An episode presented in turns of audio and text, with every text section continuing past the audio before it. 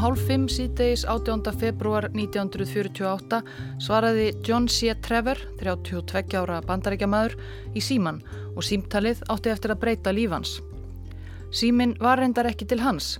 Trevor var tiltölulega nýútskrifaður doktor í Gamla testamentsfræðum frá Guðfræði deild í Yale og hafi flutt til Jérúsalem til að halda rannsóknum sínum áfram við American School of Oriental Study, bandaríska Austurlanda fræðaskólan, litla sjálfstæða fræðastofnun þar í borg. Hann hafi komið einlega á versta tíma. Bretar voru að yfirgefa gamla verndarsvæði sitt í Palestínu og gýðingar þar voru að undirbúa stopnun sjálfstæðs ríkis Ísrael. Borgarastyrjöld logaði millir gýðinga og araba sem sættu sig ekki við þennan ráðahag. Jérúsalem borg hafði verið skipt í nokkra afgýrta hluta. Fræðimennir í bandaríska Östurlandaskólanum byggust eins við því að þurfa að flýja með minsta fyrirvara. Samstagsmaður Trevers hafði mitt bröðið sér út þennan dag til að kaupa umbúðapappir til að pakka inn fornmunum sem hann var að rannsaka ef hann þyrti að fara í flíti. Forstuðumadur skólans, dr. Millar Burrows, var svo í fríi í Írak. Svo þegar síminn ringdi var það fyrst kokkurinn í skólanum sem svaraði en þegar hann heyrði að símtælið snýri að einhverju öðru en vistum leta hann Trevor fá tólið. Hinum einn á línunni var prestur við klaustur heilags Markusar í Gömluborg Jérúsalem. Þeir hafðu verið að fari gegnum bókasapn klaustursins, sagðan Sera Bútrós Sómi og rekist þar á einhver ævagömul handrit á hebresku sem klaustirið hafði lengi átt gætu sérfræðingar bandaríska skólans mögulega litið á þau. John C. Trevor fannst þetta hljóma allt saman frekar undarlega en þó sjálfsagt að kíkja á málið.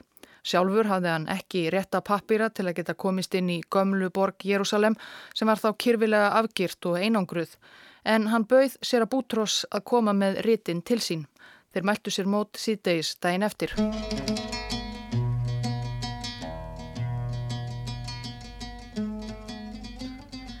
Það sem Sera Bútrós hafi sagt fræðimanninum unga í síman var reyndar ekki alveg satt.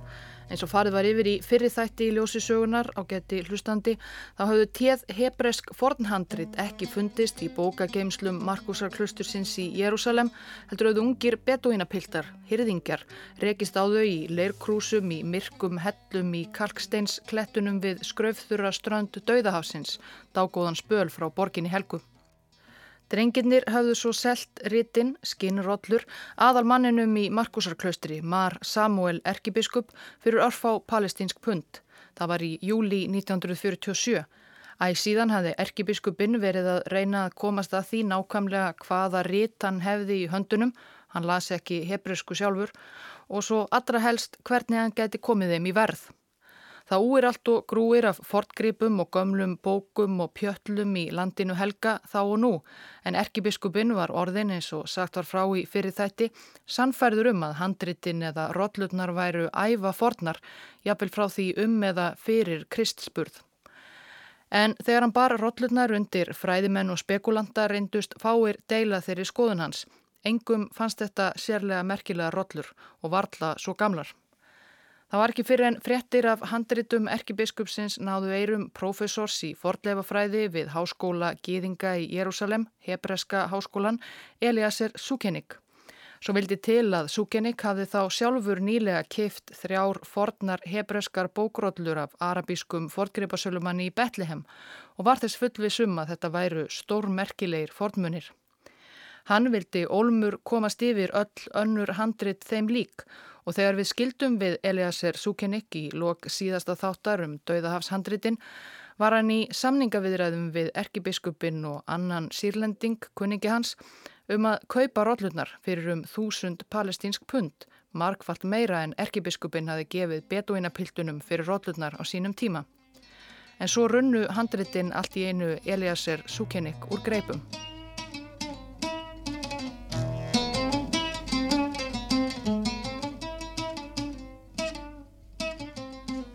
Það var Sera Bútrós Sómi sem hafi bent erkibiskupnum sínum á bandaríska Östurlandafræðaskólan eftir að biskupin hafi þá þegar reynda pranga róllunum sínum inn á allar helstu fræðastofnanir og söfn fyrir botni miðjararhafs.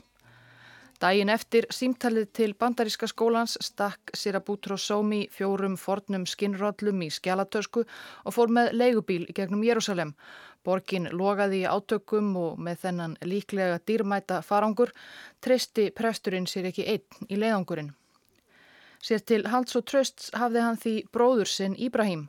Hann var tollvörður við eitt af hliðunum inn í gömlu borgina og reynda líka áhuga maður um sögu landsins helga. John Trevor tók á móti gestunum tveimur sem breyttu rollunum á borði í skólanum. Trevor tók til við að rína í skinnin. Hann hafði glemt myndavillinni sinni á palestínska fordminjasafninu og fekti að afrita hluta af einu handritinu til að geta sínt kollegum sínum. Á meðan Trevor ritaði var bróðir prestsins, tollvörðurinn Íbrahím, á sveimi yfir honum og hummaði. Upp úr einsmanns hljóði velti hann því svo fyrir sér hvort að ritin gætu mögulega tengst sértrú á söfniði gýðinga sem hafði vist hókrað á þessum slóðum við dauðahafið fyrir allmörgum öldum. Meðal gýðingana eru þrýr trúflokkar. Fylgjendur þess fyrsta eru farisegar, svo satúker og þeir þrýðju sem eru strángar í hefðum sínum essenar. Sagnarittarin Jósefus Flavius sagði svo frá í Gýðingastríðum sínum, riti sem kom út um árið 73. Þátt eftir að koma í ljóð síðar að tollvörðurinn Íbrahím var ekki svo vittlus. Essenar hafna nautnum sem að hennu ítla en telja meinleita lífið að digð og að sigrast á ástríðu. Þeir fyrirlíta ríkidæmi. Meðal þeirra er ekki að finna neitt sem á meir en annar því að það eru lög þeirra að þeir sem koma til þeirra verða að gera það sem þeir eiga samiðilegt öllum söpnuðunum. Jósefus lýsir essenum sem ströngum minnleitamönnum sem deildu öllu og lutu valdi presta sinna í flestu þeim var fyrirmunað að matast eða tala upp átt á þess að hafa fengið til þess leifi prests. Þá lögðu þeir mikla áherslu á sérstök hreinsunarböð, klætust kvítu og hafðu stránga reglur um allt milli hímins og jarðar sem eins gott var að menn fyldu. Þeir sem gerast uppvísir um syndir eru gerðir útlægir úr samfélaginu og sá sem er útskúaður svo deyru oft á hræðilegan hátt þar sem hann er bundin eðnum sem hann hefur svarið og getur ekki neitt matarað utan heldur neyðist til að borða gras og svelta. Þess vegna taka þeir við mörgum þeirra aftur þegar þeir eru á síðasta andadrætti af samkjönd og telja að hörmungarnar sem þeir hafa þurft að þóla þar sem þeir nálguðu stöðastund sé næjanleg refsing fyrir syndirnar. En aftur til ársins 1948. John Trevor bar kennsla á tekstan sem hann afritaði. Það var úr Jésæjabók Gamla testamentisins. Undir lókbókarinnar Hann hafði einmitt skrifað rítgerðum í Ísæjabúk, rétt eins og hollenski presturinn í síðasta þætti, raunar einmitt um þennan hluta bókarinnar. Síðar átti bandarísku fræðimönunum eftir að finnast versið sem Trevor skrifaði upp fyrst furðu forspátt. Ég let þá leita svara hjá mér sem ekki spurðu og let þá finna mig sem ekki leituðu mín. Trevor og kollegi hans, William Brownlee, það var sá sem hafi verið úti að kaupa umbúðapappir þegar Sera Bútrós ringdi, urðu og fullvissir um að rollurnar væru æfa fornar. Hebreska letrið sýrilagi myndi Trevor reynda strax á svonendan Nass papírus. Það var papírusnifsi með versum úr Gamla testamentinu og hebresku sem hafi fundist í Egiptalandi og var talið verað minnstakosti frá annari öld eftir Krist og dauðahafsritin hlutu því að vera álíka gömul eða jáfnvel eldri. John Trevor skrifaði síðar. Það var ómögulegt að sopna þessa nótt. Fjölmarkar spurningar flættu um hugan. Hvað var bókurollan laung? Hversu mikið af Jésaja bók var þar að finna? Gat þetta í raun og veru verið ekta? Ég sopnaði loks úrvinda en að rögræða við sjálfan mig.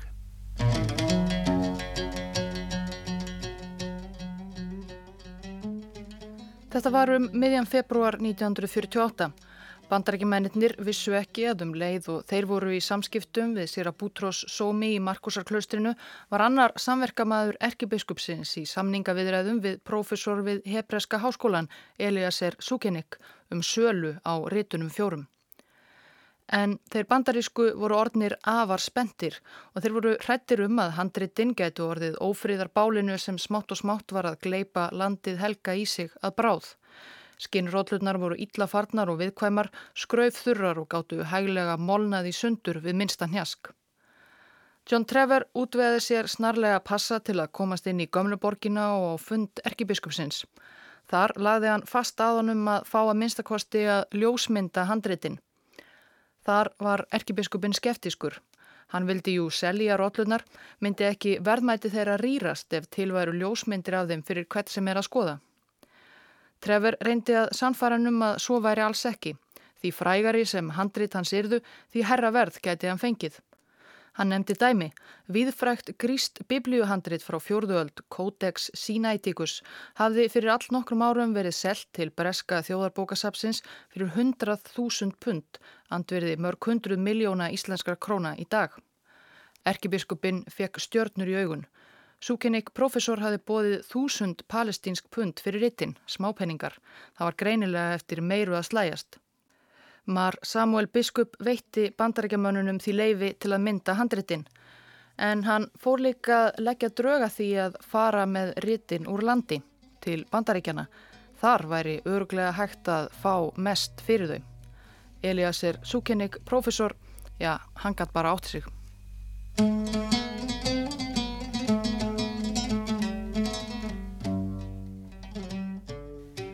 Að mynda rollurnar fjórar var mikil nákvæmnisvinna við erfiðar ástæður. Það var hættulegt verk að ferja rollurnar til og frá klaustrinu og í bandaríska skólan í gegnum stríðssvæðið Jérúsalem.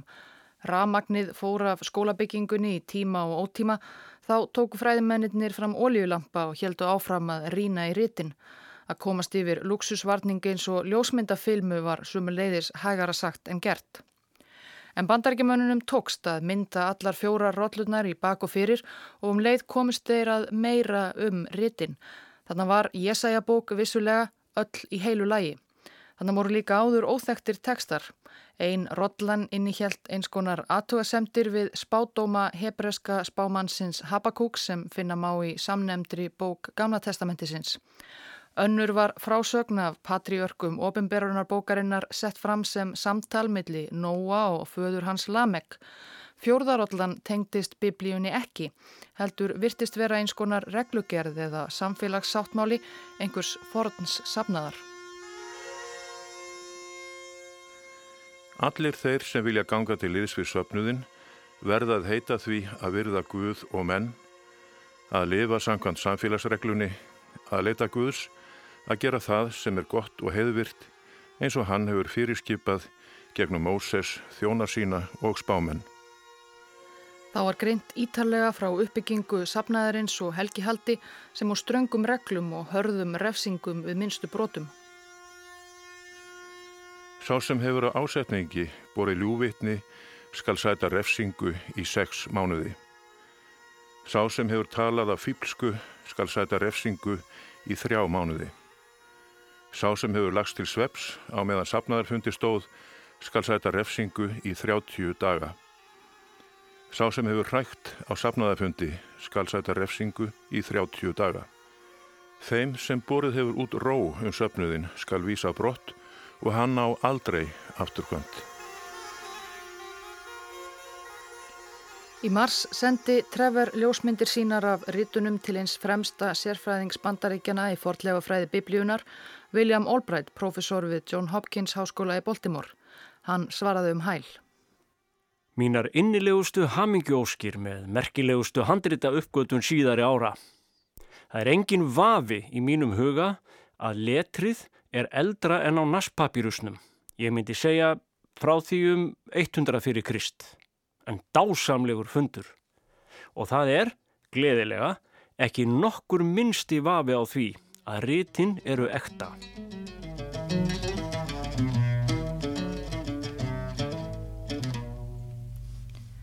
Bandarísku fræðimennina klæjaði í fingurna að fá að hella sér yfir þessi stórmerkilugu ritt og ekki síst gatt verið að fleiri slíkir fjársöðir leindust einhver staðar í hellunum í kalksteins klettunum við kumran við strönd Dauðahafsins.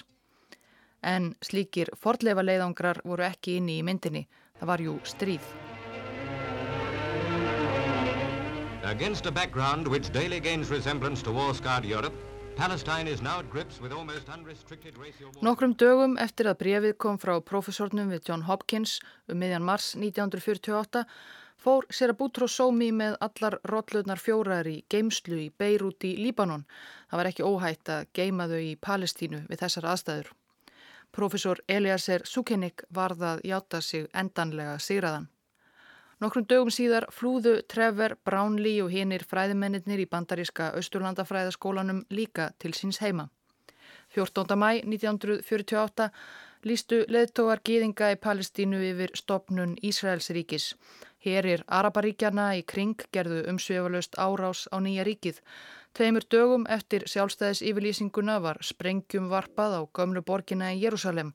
Brotur einni fjall á Markusarklaustrið meðal þeirra sem fjallu var Sera Bútrós sómi.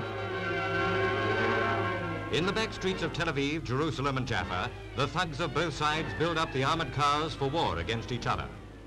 Stríði Ísraels og Araparíkjana lauk með sigri hins nýja gýðingaríkis í mars 1949.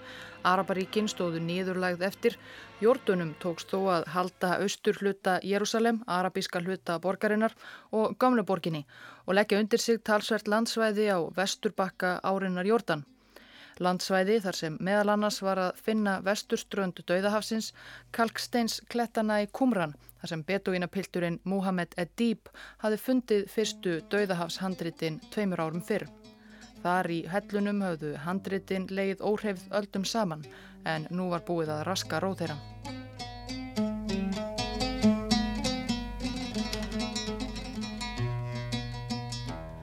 Mar Samuel Erkibiskup flúði ófriðin í Gömleborginni og sundur sprengt klöstur sitt og var á flakki um Östurlönd á meðan stríðinu stóð.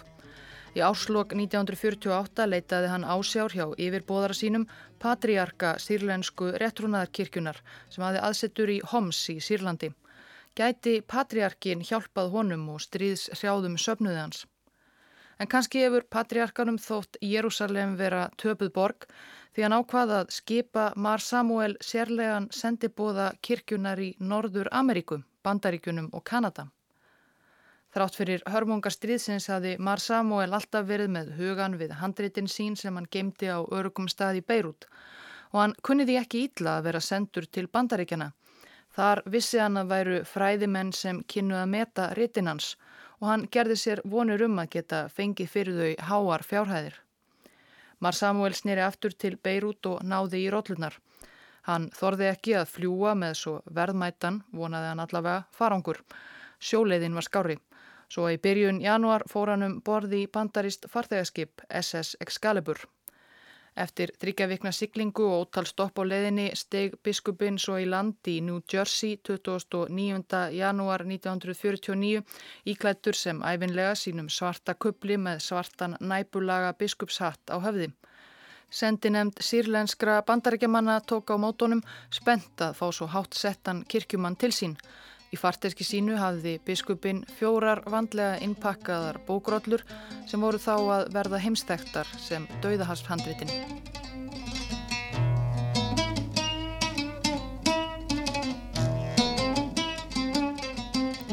Frettinnar um handritafundin hafðu nefnilega byrjað að spyrjast út og þó svo að stríð geisaði voru fleiri sem gáði sér tíma til að hugsa um forn handrit frá dauðahafströndum.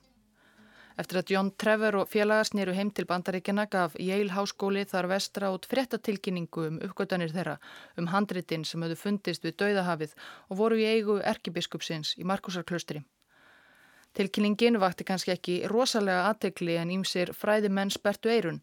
Eliasser Sukenik, profesor, varð líka ansið súr og gaf út sína eigin yfirlýsingu um sín þrjú handrit. Þessu höfðu svo fyllt ítalegri greinar í fagreitum haustið 1948. Eitt sem ekki glattist sérlega var maður á nafni Gerald Lancaster Harding. Hann var breskur fordlegafræðingur og hafði veitt forstöðu fordlega ráðuneyti bresku Palestínu frá 1936 og helt þeirri stöðu þó svo að stopnuninn flyttist síðan til Araparíkisins Jórdaníu. Það var greinilegt að beduínarnir sem fundu handritinn og seldu þvers og kruss höfðu brotið lög bresku Palestínu sem hváðu á um að allir fornminjafundir væru sjálfkrafa eign ríkisins og bæri að skila inn til fortleifaráðunætisins. Og erkibiskupin Mar Samuel hafði heldur engan lagalegan rétt til að valsa um með bókróðlunar og falbjóðu þær. En það sem brann líka á Harding eins og bandarækjamönnunum var hvort það gætu verið fleiri handrit hann einhver staðar úti í eigðumörkinni við Dauðahafið. Um leið og samið var um haldbært vopnalli í janúar 1949 vildi hann sæta færis.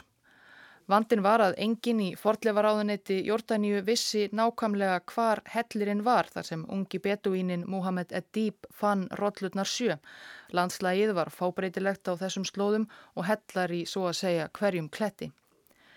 Beduínarnir ættmenni Muhammed söfðu reyndar farið aftur inn í hellin og fundið fleiri pjöllur og handrítasnifsi. Fortgripa díleratnir frá Betlehem, Kando og Georg Ísjæja höfðu líka farið og leitað einhverju til að selja. Að lokum tókst sveit arabískra hermana betuína eittum að finna réttan helli. Hellin sem síðan hefur meðal fortlefafræðinga og spekinga kallast Hellir 1. Það var 28. janúar, daginn áður en Mar Samuel erkibiskup steg á landi í bandaríkunum með sín fjögur handrit úr hellinum.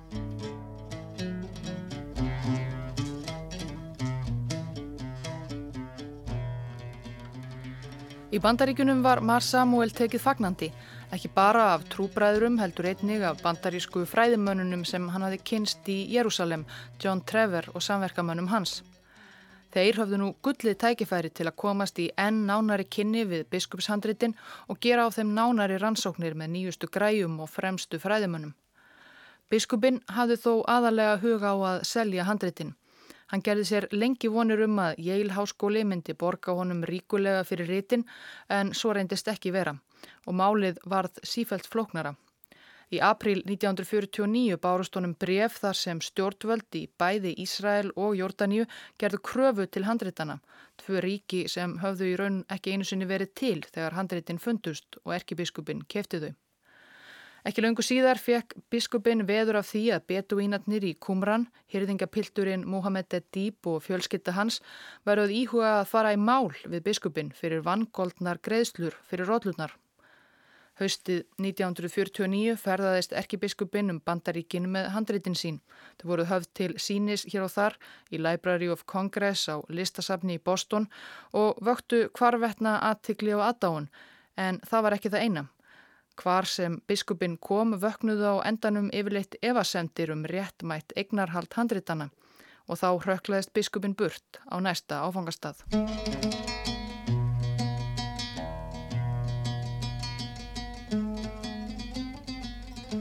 Meðan biskupin vesenaðist þetta var ráðist í stórtækan fordlefa uppgrött við dauðahafið undir stjórn Bretans Hardings og jórdanskara yfirvalda. Fleiri hellar fundust sem reyndust einnig geima ríkfallnar lerkrúsir og saman vafinn skinnhandrit. Oftast voru það ekki nema lítil íllafarin snifsi og pjöllur sem fundust, ekki langar heilega rollur eins og Jesajabók og þær sem Muhammed Edib og frændur hans höfðu fyrst fundið í fyrsta hellinum veturinn 1946. Beduínarnir á svæðinu letu líka áfram til sín taka og leituðu stöðugt upp í hella og handrit sem þeir færðu yfirvöldum eða erlendum fordlega fræðingum gegn væri greiðslum. Smátt og smátt hrönnuðust dauðahafshandritin upp. Að lokum urðu þau meira en 15.000 rit eða brot úr 11 hellum.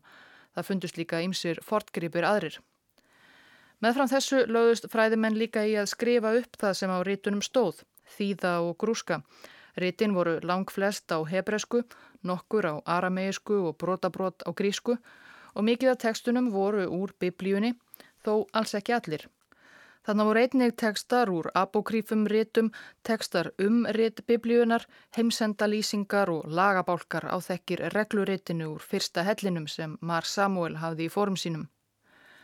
Með tímanum komust flestir spekingar á þá skoðuna söpnuðurinn sem líst var í þeim ritum og um leið fólkið sem hafði ritað handreitinn og gemt þau svo í leirkrúsum í hellunum í Kumran væru vissulega essenar, minnleita gýðingarnir sem Jósefus Sagnarittari lísti og Plínius Eldri saði í náttúrusögu sinni að hefðust við í eigðimörkinni við vesturströnd Dauðahafsins.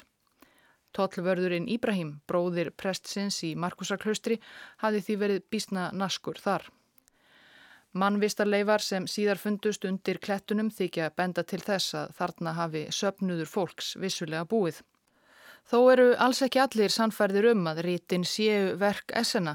Lærðir og leikir hafa deilt um uppbruna döðahafshandritana, merkingu þeirra og mikilvægi allt frá því þau komust fyrst í tal og væri hægt að hafa langt málum þá deilu sem líklega verður aldrei útkljáð. Það gaf evasemdamönnum byr undir báða vangi að afar langan tíma tók að gefa út eftirritanir og þýðingar á þeim handritum sem fundust í kumran. Sum rit sem fundust í hellunum strax á sjötta áratögnum komu ekki út fyrir en jáfnvel 30-40 árum síðar. Töldu sumir það til marksum að verið væri að reyna að fela eitthvað, einhvern nýjan sannleika um biblíuna eða sögu trúarinnar eða uppruna kristindómsins. Nú eru þó flesti rítin komin út á bók og þau er einning að finna á netinu.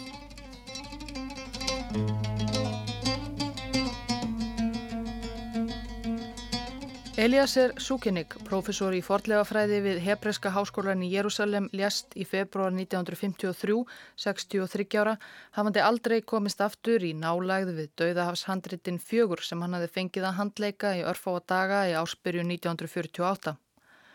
Hann skildi eftir sig eigin konu og þrjá sinni. Sá elsti þeirra hétt Jígail Jatín. Hann hafði barist frækilega í sjálfstæði stríði Ísraels og náð æðstu tegni í Ísraelska hernum, stöðu sem hann gengdi frá 1949 til 1952. Þá sagði hann af sér herrmennsku og sneri sér að fræðum föðursins, fordlefafræði. Well, actually, I began as, if I may say so, as an archaeologist because you, know that my father, the late Professor Sukenik, was the first professor of archaeology at the Hebrew University where I teach now.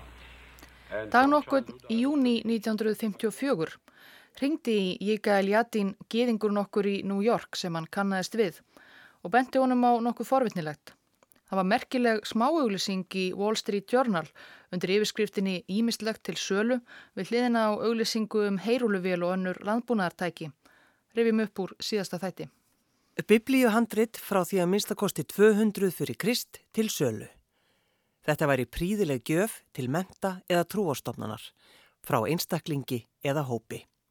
Postholf F 206 Það var komið fram á sumar 1954 og liðin sjö ár síðan erkibiskupin Mar Samuel hafi borgað nokkrum beduinapiltum í gegnum millilið, fortgripasala í Betlehem, örf á palestínsk pund fyrir gamlar bókróllur sem þeir fundu í helli á heimaslóðum sínum við Dauðahaf. Biskupin hafi ferðast með handritinn um miðausturlönd og gerföll bandaríkin. Þau voru laungu orðin heimsfræg en þrátt fyrir allt hafði honum enn ekki tekist að selja þau. Nú voru ljósmyndir John Travers af handritunum komnar út á bók svo fræðilegt gildi handritana sjálfra var minna og hann var að auki hundeldur af forlefa yfirvöldum í Jórdaníu sem gerðu stíft tilkall til handritanans.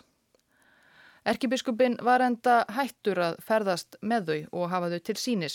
Handritinn hafðu síðustu árað mestu dvalið í heimasmíðum peningaskáp sem var geimtur í gestaherbergi kunningja biskupsins úr sírlensku kirkunni, Charles Manuk, sem bjó í Worcester í Massachusetts og rak heildverslun með pípulagningavörur. Börn Manuks þessa hafa líst í síðar að dauðafshandritinn hafi af og til verið tekin út úr skápnum sínum þegar fjölskyldan fekk gesti Þá var það vinsælt meðal vina manúks að skrapa örlítil snifsi af rítunum sem þeir settu svo í nisti og gengu með um hálsin. En Mar Samuel biskup var orðin úrkula vonar og peninga þurfi og því greipan til þess örþri var ás að auglýsa handritin til sölu í smáauglýsingadálki Wall Street Journal.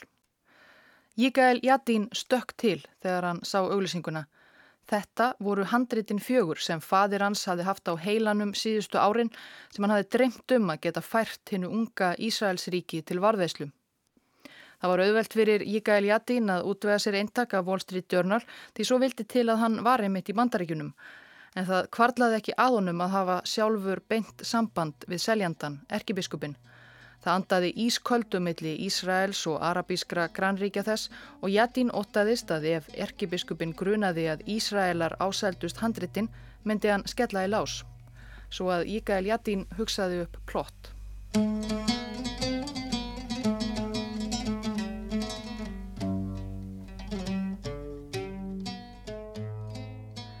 Fyrstu viðbröðin sem biskupin fekk við auglýsingunni í Wall Street Journal voru ekki frá menta eða fræðastofnun eins og hann hafi vonað, heldur frá bankamanni í stórbankanum Chemical Bank í New York. Sérfræðingar á vegum skjólstæðingsbankans, mögulegs kaupanda, fóru fram á að fá að skoða handritin, hvortu væru ekta. Um svipa leiti ringdi símin heima hjá Harry Orlinski, 46 ára gamlum profesor í fornum biblíufræðum við Hebrew Union College í Cincinnati. Hann var þá einmitt á leiðinu út úr dyrunum í frí með fjölskyldunni. En á línunni var Jígael Jatín, fyrirverandi æðsti hersöðingi Ísraelska hersins, sem sagði að hann yrði að koma á Ísraelsku sendiskrifstofuna í New York undir eins. Ísraels ríki þarnaðist hans. Fræðimadurinn Orlinski var ekki vanur að fá slíka herrkvaðningu. Hann hætti umsvefa laust við fríið og hjælt til New York. Þar sögðu Jadín og Ísraelski sendiherran honum einbeittir frá leinilegu verkefni hans að endurheimta dauðahafshandritin.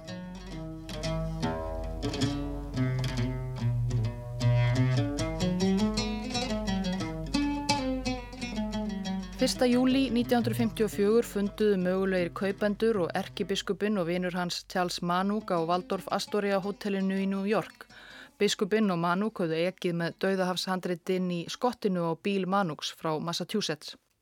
Jikael Jatín hafði snarlega tekist að fá vilirði um umtalsverða fjármunni frá Ísraelskum mektarmönnum en fór í gegnum bankamann Chemical Bank til að leina því að geðingleir peningar væri í spilinu.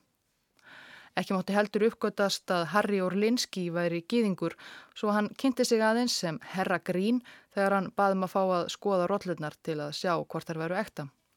Annars voru fyrirmæli hans að segja sem allra minnst. Hann var fræðimaður, ekki þöl þjálfaður, leinithjónustumadur. Enda stóðst hann ekki mátið, jafnvel við þessar glæfralegu aðstæður að sinna fræðastörfum. Orlinski var þá í hópi fræðimanna sem unnu að nýri útgáfu Gamla testamentisins og hafðu meðal annars til hliðsjónar Jésæja Rolluna frá Dauðahafinu út frá ljósmyndunum sem John Trevor tók í Jérúsalem. Verkið gekk vel en það voru ákveðin vandamál. Orlinski skrifaði síðar. Það var ákveði vavaatriði í texta Jésæja Rollunar sem ég var ákveðin í að leysa þá og þegar. Því hvenar myndi ég næst hafa sjálfa rolluna fyrir fram að mig? Vandamálið var síðasta orðið í 40. og 3. kapla 19. versi. Ég geri veg um eðimörkina og fljót í auðninni. Hvort að í rollunni stæði neti vót eða neti vim, slóðar, í stað hins hefbundna neharott, fljót. Þar sem að þetta vers var tvo þriðju frá byrjun tekstans var ég alltaf að byggja seljandan um að rúla rollunni lengra og lengra út en eftir nokkra stund var þann óþólumóður og fór kannski að grun eitthvað. Hann vildi vita hver ég væri í raun og veru og af hverju ég vildi endilega sjá alla rolluna. Gati ekki séð nú þegar að þetta var greinilega hinn upprunalega ég sæði rolla Ég umlaði eitthvað um að ég vildi sjá hvort að rollan væri alveg í heilu lægi og óskend. Þrátt fyrir þessa áhættuhægðun sáu seljendurnir ekki í gegnum hins sérvitra Herra Grín og viðskiptin held áfram. Grín eða Orlinski gekk úr skugga um að rollurnar veru ósviknar. Þetta voru Jesæjarollan, Habakúk-ritið, samtal Feðgana Nóa og Lamex og regluritið, strángar síðareglur sértrúar safnaðarins í Eidimörkinni. Samkvæmt áalluninni fór Herra Grín því næsta símaklefa fyrir utan Valdorf Astoria hotellið ringdi í Ísraelsku sendiskrifstofuna og saði aðeins eitt orð, Lechaim, skál á hebrisku. Þetta voru rítin. Erkibiskupin fór fram á eina miljón dollara fyrir handritin en í gegnum bankamannin frá Chemical bauð Jikael Jatín 150.000 dollara á móti. Biskupin gerði sér loks að góðu 250.000 dollara um 258 miljónir íslenska króna á núverði. Dægin eftir, annan júli, afhendi hann handritin sín bankamanninum sem hann taldi vera kaupandan. Snarlega var flóið með rítin til Jérúsalem í fjórum flúveilum, ein bókrótla í hverri vél ef skekkinni að ein færist á leiðinni. Erkibiskupin fekk ekki að vita hver hefði raunverulega keift af honum dýrgripina fyrir en ári síðar þegar forsætisráð þeirra Ísraels tilkynnti Sigur Reifur að fjögur dýrmætustu dauðahafshandritin væri komin heim til Ísrael. Scholars at the Hebrew University in Jerusalem undertake the painstaking work of piecing together bits of ancient biblical scrolls found in a mountain cave near the Dead Sea. This parchment document was written 2,000 years ago.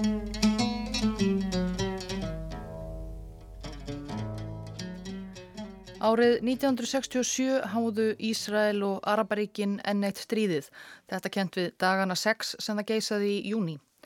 Ísraelar sigruðu og lögðu undir sig landsvæði sem Jordania hafi gert tilkall til áður, vesturbakka Jordan árinar og austurhluta Jérúsalem með öllu sem þar var að finna. Meðal annars fornminjasapn kent við bandarískan velgjörðarmann Rockefeller Þar sem jordunsk yfirvöld geimdu öll þau fjölmörgu fornhandrit og handrita snifsi sem hefðu fundist í hellunum í Kumran undan farin ár, mörg þúsund talsins. Þau voru flutt snarlega í Hebreska háskólan í Jérúsalem og þannig tókst Ísraelum að komast yfir lang flest döðahafsiritin. Stjórnvöldi Jórdaníu eiga enn örfá sem geimdóru og söpnum í höfuborginni Amman Þau gera enn tilkall til rítana sem gengur þeim úr greipum 67 og hafa vakið aðtikli á málinu við og við og vísað á gerðnan til alþjóðasamþykta um verndun menningarverðmæta í stríði. 2009 voru nokkur handrit sendt frá Ísrael til Kanada á síningu. Jordania krafðist þess þá við bæði kanadísk yfirvöld og saminuðu þjóðirnar að handritin eru gerð upptæk. Við því var ekki orðið. Ísraelar eru í dag tregari til að senda rítin utan á síningar en það krefst að mikillar örgiskeslu og sérstakrar meðferðar til að tryggja að þau skemmist ekki. Mar Samuel Erkibiskup borgaði rúman fjórðung af því sem hann fekk að lokum fyrir handritin sín í skatt. Restina leta hann renna til sírlensku réttrunar kirkjunar í bandaríkunum. Hann snýri aldrei aftur til landsins Helga og ljest í New Jersey á páskum 1995, mikilsmetinn kirkunar maður 87 ára að aldri. Eftir dauða hans reyndu sapnaðar börn hans að fá leifi bandarískra yfirvalda til að jarðsetja hann eins og sírlenska kirkjan hefur í 2000 ár greftrað erkibiskupa sína inni í kirkjum þeirra. Ekki fegst þó leifi til þess og því kvílir Mar Samuel biskup í sírlensku klöstri í Hollandi.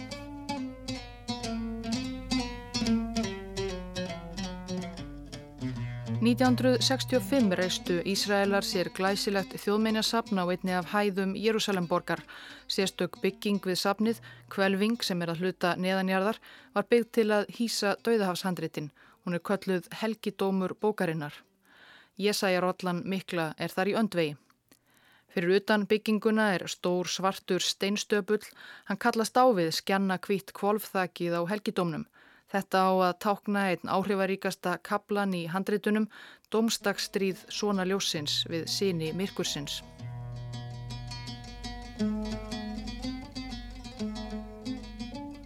Muhammed Edíb, úlfurinn, betuína pilturinn sem fyrstur klöngraðist inn í fyrsta hellin í Kumran við Dauðahafstrendur og fann þar skrítnar leirkrúsir og gamlar bókróllur, hann röklaðist á endanum á flótta undan Ísrælum eins og svo ótal margir. Hann bar beinin sumarið 1997, líklega um 67 ára, slippur og snöyður í flottamannabúðum fyrir palestínumenn í Jórdaníu. Handritinn sem hann fann og seldi á örf á palestínsk pund á sínum tíma eru nú metin á 20 miljóna dollara.